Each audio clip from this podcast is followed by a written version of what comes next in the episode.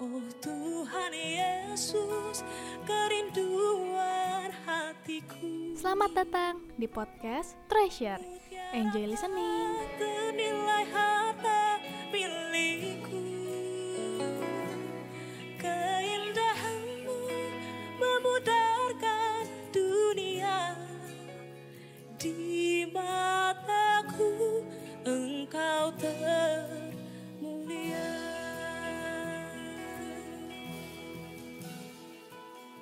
Shalom guys. Nah, hari ini bersama saya Prakas, kita akan belajar bersama-sama sebuah renungan yang akan kita pahami secara bersama-sama dan menjadi sebuah perenungan dalam kehidupan kita masing-masing. Sebelum kita mendengarkan kebenaran firman Tuhan yang kita akan pelajari, mari kita bersatu dalam doa. Kami mengucap syukur untuk kemurahan-Mu Tuhan. Kami bersyukur ketika kami masih beri kesempatan untuk boleh mendengar kebenaran firman-Mu. Kiranya kebenaran firman-Mu yang hari ini kami dengar itu tertanam dalam kehidupan kami dan tidak berlalu. Ajarkan kami juga untuk semakin merenungkan kebenaran firman-Mu biar kebenaran firman-Mu yang memperbarui pola pikir kami dan persiapan hati kami, persiapan pikiran kami Tuhan biar ke, siap kebenaran firman-Mu yang kami dengar. Itu menjadi kekuatan bagi kami. Itu menjadi suatu hal yang harusnya kami kerjakan dalam kehidupan kami hari lepas hari. Kiranya rohmu yang kudus pimpin kami ketika kami mendengar kebenaran firman-Mu. Dan rohmu juga yang kudus yang memampukan kami untuk mengerti memahami kebenaran firman-Mu dengan tepat dan benar. Engkau Allah yang uh, memampukan kami juga untuk menjadi pelaku firman-Mu. Menyerahkan Tuhan dari awal tengah sampai akhir kami belajar kebenaran firman-Mu. Kami serahkan seluruh depan kami dalam tangan kasih-Mu hanya dalam namamu Tuhan Yesus Kristus. Kami mengucap syukur halia. Amin. Tahun ini tema yud secara besarnya adalah More of Jesus, Less of Me.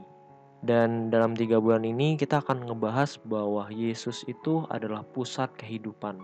Jadi kalau hari ini kita belum menjadikan Yesus sebagai pusat kehidupan, kita mulai harusnya merenungkan siapakah yang menjadi pusat kehidupan dalam hidup kita. Siapakah yang menjadi sesuatu hal yang kita ingini melebihi Tuhan. Nah, hari ini aku akan memberi sebuah tema tentang pencarian harta yang sesungguhnya. Apakah benar nih, teman-teman, selama kita hidup sampai hari ini, Yesus sudah menjadi pusat kehidupan kita? Yuk, mulai coba kita renungkan secara bersama-sama. Apakah benar Yesus sudah menjadi pusat kehidupan?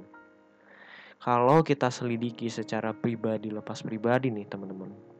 Apakah selama ini kita nih sudah menyenangkan Tuhan gak sih? Kalau kita belum menyenangkan Tuhan lewat kehidupan kita atau kita masih hidup dalam dosa ataupun hidup dalam keinginan-keinginan kita yang tidak sesuai dengan kebenaran Tuhan, berarti ya kita masih belum menjadikan Yesus sebagai pusat kehidupan. Ataupun yang hari ini e, kita sama-sama belajar bahwa Yesus belum menjadi harta yang sesungguhnya. Sesuatu hal yang kita kejar sesuatu hal yang e, kita nantikan sesuatu hal yang melebihi segala keinginan kita itu pribadi Tuhan dan kebenarannya. Karena teman-teman kalau kita sudah menjadikan Yesus sebagai pusat kehidupan, pasti teman-teman, kehidupan kita pasti menyenangkan Tuhan. Dan bisa dikatakan nih teman-teman, kita terus menjalankan kehendaknya. Yuk coba yuk kita renungkan. Teman-teman, bicara tentang pusat itu selalu bicara tentang pokok atau utama. Dan selalu terhubung nih. Kalau misalnya pusat artinya pokok dan e, artinya yang utama, berarti ada satu kata kerja lagi fokus. Pernah nggak sih teman-teman kita memfokuskan diri kita kepada apa yang Tuhan mau? Nah kalau kita ngomongin tentang fokus pasti selalu ngomongin gini teman-teman. Selalu ngomong sesuatu hal yang kita kejar. Nah kalau kita mengejar hari-hari ini hal-hal yang e, dunia tawarkan hal-hal yang berharga menurut orang-orang yang belum mengenal Allah ya berarti kita belum menjadikan Yesus sebagai harta sesungguhnya ataupun ya dikatakan Yesus belum menjadi utama dalam kehidupan kita. Nah, teman-teman kita akan belajar di kitab Amsal, teman-teman. Amsal pasal yang kedua ayat 1 sampai 5 begini, teman-teman. Dalam bahasa Indonesia masa kini, ayat pertama dikatakan gini, "Terimalah ajaran-ajaranku, anakku, dan ingatlah selalu akan nasihat-nasihatku kepadamu." Salomo menulis ini untuk orang-orang yang bersedia untuk diajar. Kiranya nih teman-teman kita kita dengar firman Tuhan ini, kebenaran Tuhan ini, kiranya kita menjadi orang-orang yang bersedia untuk diajar oleh setiap kebenaran firman Tuhan. Dan di ayat selanjutnya bilang, perhatikanlah apa yang bijaksana dan berusahalah memahaminya. Ya anakku, berusahalah untuk mempunyai pikiran yang tajam dan mintalah pengertian. Carilah itu seperti mencari emas dan kejarlah itu seperti mengejar harta yang terpendam. Dengan demikian, kau akan tahu apa artinya takut akan Tuhan dan kau akan mendapat pengetahuan tentang Allah. Apa sih yang dimaksud dalam Amsal 2 ayat 1 sampai 5 ini? Salomo ingin menekankan gini, teman-teman. Carilah itu seperti mencari emas. Apa yang harus dicari? Hikmat, teman-teman. Hikmat itu adalah suatu pengertian dan pemahaman. Jadi kalau kita memiliki hikmat, kita sebenarnya kita sedang mem memiliki pemahaman, pengertian bagaimana menjalani kehidupan gitu. Atau dengan kata sederhananya adalah hikmat itu selalu ngomongin tentang kehidupan yang bijaksana, teman. Nah, makanya eh, kita harus menyadari teman-teman di tengah dunia yang jahat ini kita butuh hikmat dari Tuhan. Bukan hikmat duniawi ya teman-teman, hikmat yang dari Tuhan supaya cara hidup kita, keputusan-keputusan kita itu selalu sesuai dengan kebenaran Tuhan. Dan hikmat itu selalu datangnya dari kebenarannya Tuhan itu sendiri. Tuhan yang memberi hikmat. Makanya di Amsal 2 ayat ke-6 dibilang gini. Dalam bahasa Indonesia masa kini, Tuhanlah yang memberi hikmat. Dari dialah manusia mendapat pengetahuan dan pengertian. Coba kita renungkan ya, apakah selama ini yang kita cari apakah sesuatu yang bertentangan dengan kebenaran Tuhan atau sesuatu yang memang dianggap dunia wajar. Karena apa yang dianggap dunia wajar selalu pasti bertentangan dengan Tuhan dan kebenarannya pasti. Kita harus mencari pribadi Tuhan dan biar pribadi Tuhan itu menjadi suatu harta yang sesungguhnya. Ketika kita mengejar pengenalan pribadi Tuhan, Tuhan pasti akan memberikan kita hikmat, memberi kita kebijaksanaan bagaimana kita memiliki cara hidup yang benar. Nah, apa sih tujuan kita dapat hikmat? Pasti teman-teman sesuai dengan pengertian sederhana yang tadi yaitu supaya kita hidup bijaksana. Supaya kita dapat menguasai diri dalam segala hal dan sebagai wujud nyata dari disiplin rohani. Kita harus menyadari dengan sungguh-sungguh bahwa kehidupan yang kita jalani hari-hari ini sangat menentukan kita akan ke mana nantinya. Aku ulangi lagi ya teman-teman. Kita harus menyadari dengan sungguh-sungguh bahwa kehidupan yang kita jalani hari-hari ini sangat menentukan kita akan ke mana nantinya. Jadi kalau kita hidupnya mengejar suatu hal yang sementara, mengejar suatu hal yang bertentangan dengan kebenaran Tuhan ya pasti ujungnya itu dari akhir kehidupan kita kita nggak akan bisa bersama dengan Tuhan.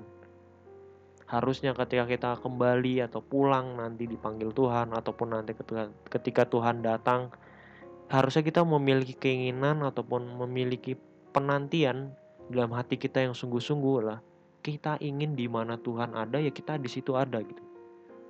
Allah yang kita sembah nih teman-teman adalah pribadi yang adil dan penuh dengan kasih. Kita sadar ya teman-teman.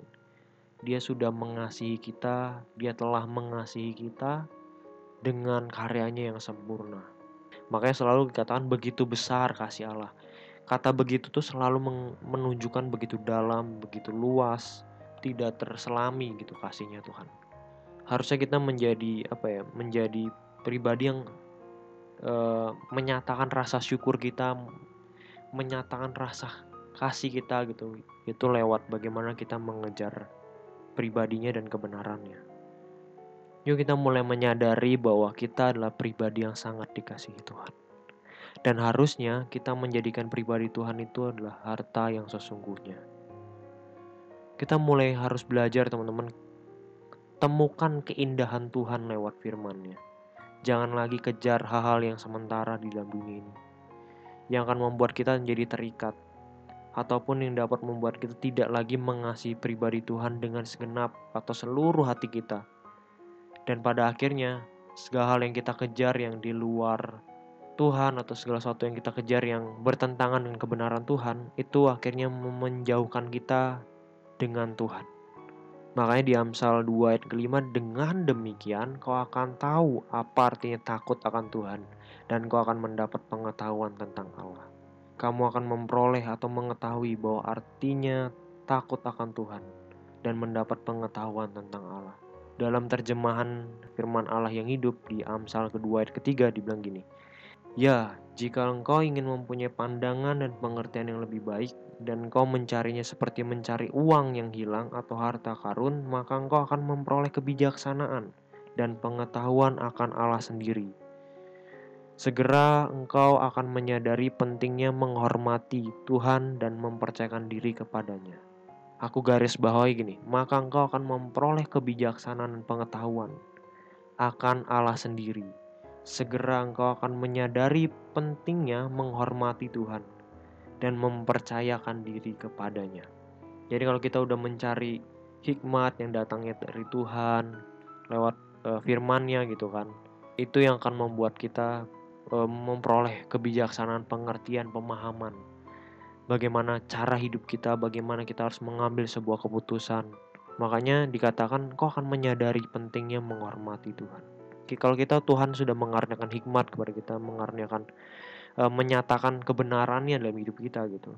Kita akan menyadari betapa pentingnya itu tentang hidup yang takut akan Tuhan. Kita akan mempercayakan seluruh hidup kita kepadanya. Teman-teman langit dan bumi dan segala isinya adalah milik Tuhan. Dan segala sesuatu yang ada dalam hidup kita juga milik Tuhan. Jadi ketika Tuhan mengambil sesuatu yang ada dalam diri kita ya itu harusnya menjadi suatu hal yang normal dan kita nggak perlu kecewa karena hidup kita juga milik Tuhan dan segala sesuatu yang yang Tuhan ambil dalam kehidupan kita pasangan ataupun sesuatu yang kita inginkan gitu yang yang akhirnya bisa menjauh dari, menjauhkan kita dari Tuhan. Seharusnya uh, kita bersyukur bahwa Tuhan mengasihi kita gitu. Makanya dia menjauhkan dari segala hal yang mengikat kita segala hal yang uh, menjauhkan kita dari Tuhan. Itu gambaran bagaimana kita sedang dibentuk diproses oleh Tuhan. Dan bahkan lewat itu kita bisa menjadi mendekat dengan Tuhan kalau kita selalu ngomongin tentang harta teman kita nggak selalu ngomongin gini teman nggak ngomongin selalu tentang uang kekayaan tapi selalu ngomongin tentang segala sesuatu yang menjadi keinginan kita segala sesuatu yang menjadi hal-hal yang kita kejar.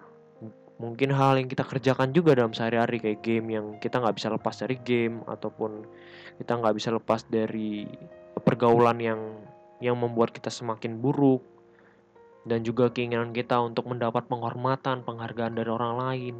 Ya walaupun itu tidak terlihat ya teman-teman dalam kehidupan kita. Maksudnya orang lain nggak bisa melihat itu gitu. Keinginan kita yang ingin dihormati keinginan kita yang untuk dihargai keinginan kita untuk di mendapat pujian dari orang lain itu memang tidak bisa dilihat dari orang. Tapi Tuhan melihat keadaan hati kita. Kiranya nih hari ini percayalah bahwa harta yang diilustrasikan tadi ya nggak ngomongin tentang uang kekayaan tapi bisa juga suatu hal yang kita kerjakan hari lepas hari yang mengikat diri kita game pasangan keinginan kita yang terken ingin terkenal keinginan kita yang mau dihormati dan segala hal yang lain yang membuat kita tuh bisa menjauh dari Tuhan pergaulan kita. Yuk kita mulai sadari bahwa hal yang selama ini kita pertahankan hal yang selama ini kita kejar sebagai sebuah harta mungkin kita nggak nganggapnya harta tapi segala sesuatu yang kita lakukan tuh bisa jadi suatu hal yang mengikat gitu. Suatu hal yang kita memang hati kita tertuju kepadanya gitu. Jadi membuat kita tuh suatu hal yang berharga dan kalau itu hilang itu kita bisa kecewa.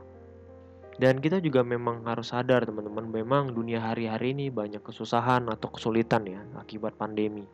Makanya banyak orang dengan rela dan berjuang untuk survive nih, untuk bertahan. Seperti orang yang uh, ingin bertahan gitu dalam kehidupan yang di tengah kesusahan ini ya mereka uh, menghalalkan segala cara dengan cara mereka sendiri dengan cara yang kerja keras gitu dan pokoknya mencari penghasilan lebih gitu kan. Nah, itu orang-orang yang sebenarnya bisa dikatakan orang-orang yang belum mengenal Allah gitu. Dan kita harus percaya teman-teman dan jangan takut gitu. Walaupun dunia ini akan semakin sulit, pribadi Tuhan harusnya menjadi harta yang sesungguhnya dalam kehidupan yang kita jalani. Kita mengejar harta yang abadi, seperti mengejar emas atau uang atau sesuatu yang berharga lainnya.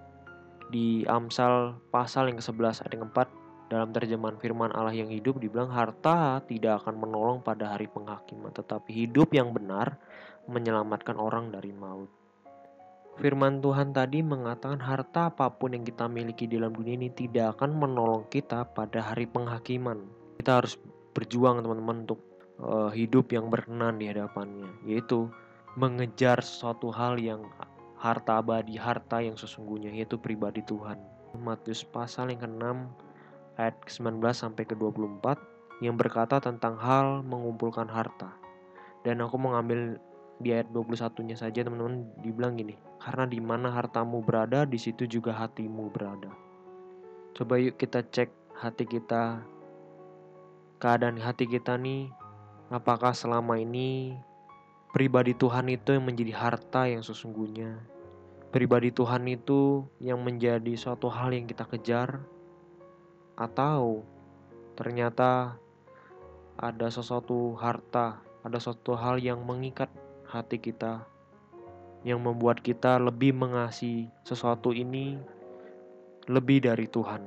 Ketika kita kehilangan ini, kita kecewa, kita malah semakin jauh dari Tuhan.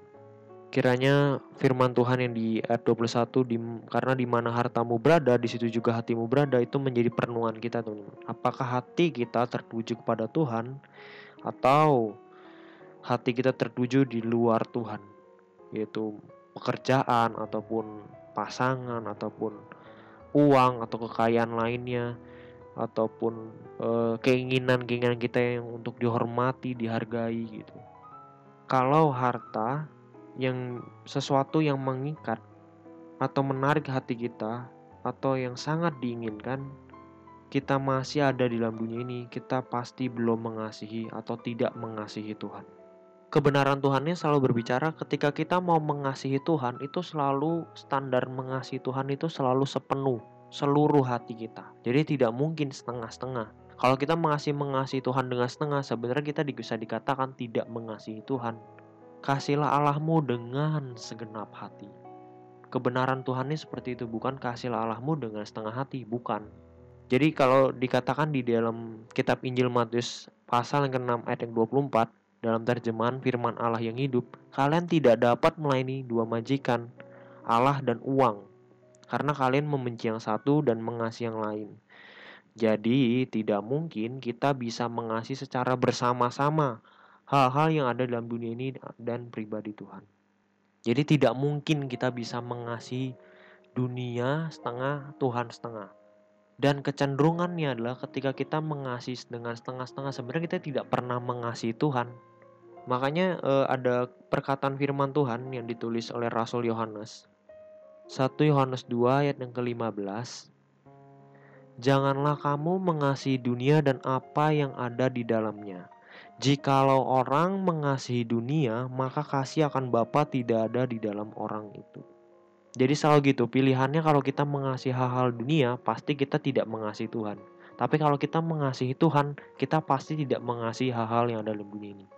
Dan segala hal yang ada dalam dunia ini, sekalipun hilang lenyap, itu tidak akan membuat kita kecewa. Karena kita fokus hati kita terarah kepada apa yang kekal gitu, apa yang abadi yaitu pribadi Tuhan dan kebenarannya itu. Kalau kerohanian kita juga tidak bertumbuh ya pasti kasih kita tidak bertumbuh, semakin mengasihi Tuhan karena kita masih ada suatu hal di dalam hidup kita yang kita belum lepaskan gitu. Kita belum belajar rela untuk mengasihi Tuhan dengan sepenuhnya dan meninggalkan segala sesuatu yang di luar Tuhan itu. Sekalipun nih teman-teman kita ini adalah seorang pemimpin, pelayan, dan bisa dikatakan kita adalah pribadi yang rajin ikut ibadah setiap hari Minggu. Kita bisa saja dikatakan oleh Tuhan pada saat hari akhir atau hari penghakiman ketika kita berhadapan dengan Tuhan secara pribadi Tuhan berkata, "Kamu tidak mengasihi aku." Itu seperti hal yang kita nggak bisa lagi tolak karena Tuhan menyelidiki segala sesuatunya gitu. Apa yang tersembunyi di hadapan manusia di hadapan Tuhan terbuka.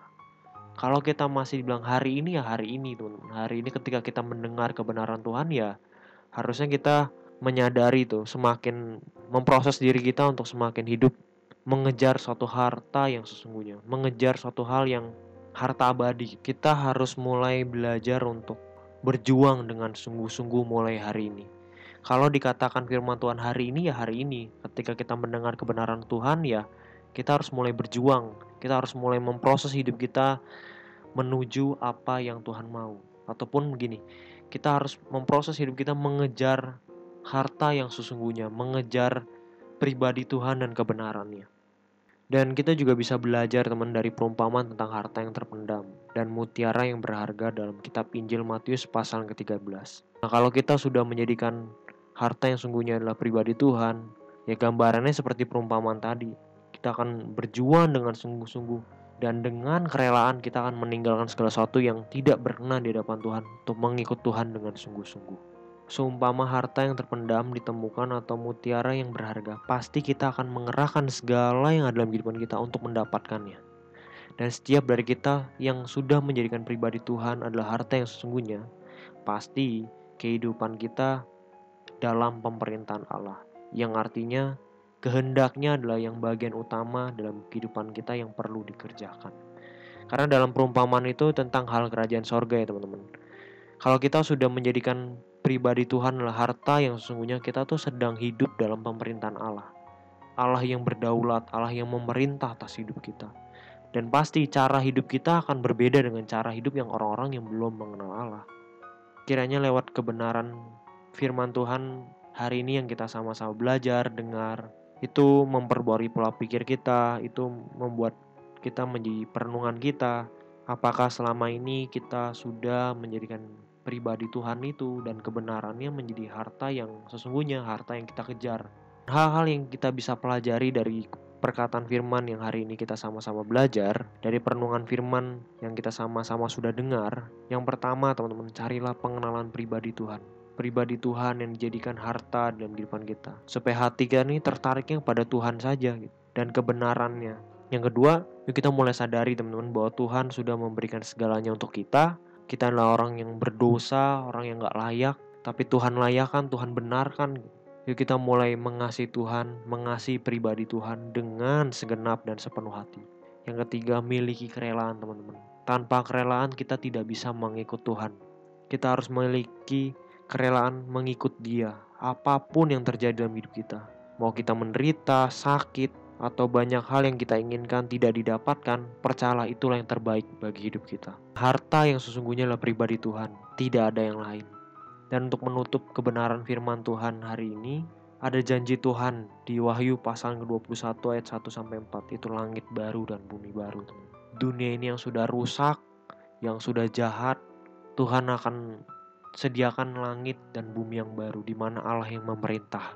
Kiranya kita berjuang bersama-sama dan kehidupan kita ditemukan oleh Tuhan berkenan dan kita boleh masuk ke dalam janjinya Tuhan yaitu langit baru dan bumi baru. Itu saja teman-teman untuk kebenaran firman Tuhan yang kita sama-sama dapat pelajari dan renungkan dan kita mau berdoa untuk mengakhiri dari kebenaran firman Tuhan yang kita sama-sama sudah dengar. Terima kasih Tuhan Yesus, terima kasih Bapa yang di sorga. Kami bersyukur untuk kemurahanmu, kebaikanmu ketika kami masih boleh hidup sampai hari ini. Ajarkan kami Tuhan untuk hidup seperti apa yang kau mau Tuhan. Kiranya Tuhan lewat kebenaran ini kami mengejar harta yang sesungguhnya yaitu pribadimu Tuhan dan kebenaranmu. Ajar kami Tuhan untuk mengarahkan hati kami, pikiran kami, seluruh hidup kami Tuhan kepada pribadimu Kristus. Kami sadar Tuhan selama ini pengejaran kami bukanlah sesuatu yang abadi, tetapi sesuatu yang sementara dan bakalan dan akan sia-sia teman. Ajarkan kami Tuhan untuk terus bergantung padamu dan ajarkan kami untuk menjadikan pribadi Tuhan harta yang sesungguhnya. Biar lewat kebenaran Tuhan yang sama-sama kita dengar hari ini, itu memperbarui pola pikir kami Tuhan dan memperbarui fokus dan pengejaran kami biar fokus dan pengejaran kami hanya pribadimu Tuhan. Terima kasih Tuhan menyerahkan seluruh depan kami dalam tangan kasih-Mu dan kami berdoa hanya dalam satu nama Tuhan Yesus Kristus. Kami berucap syukur haleluya. Amin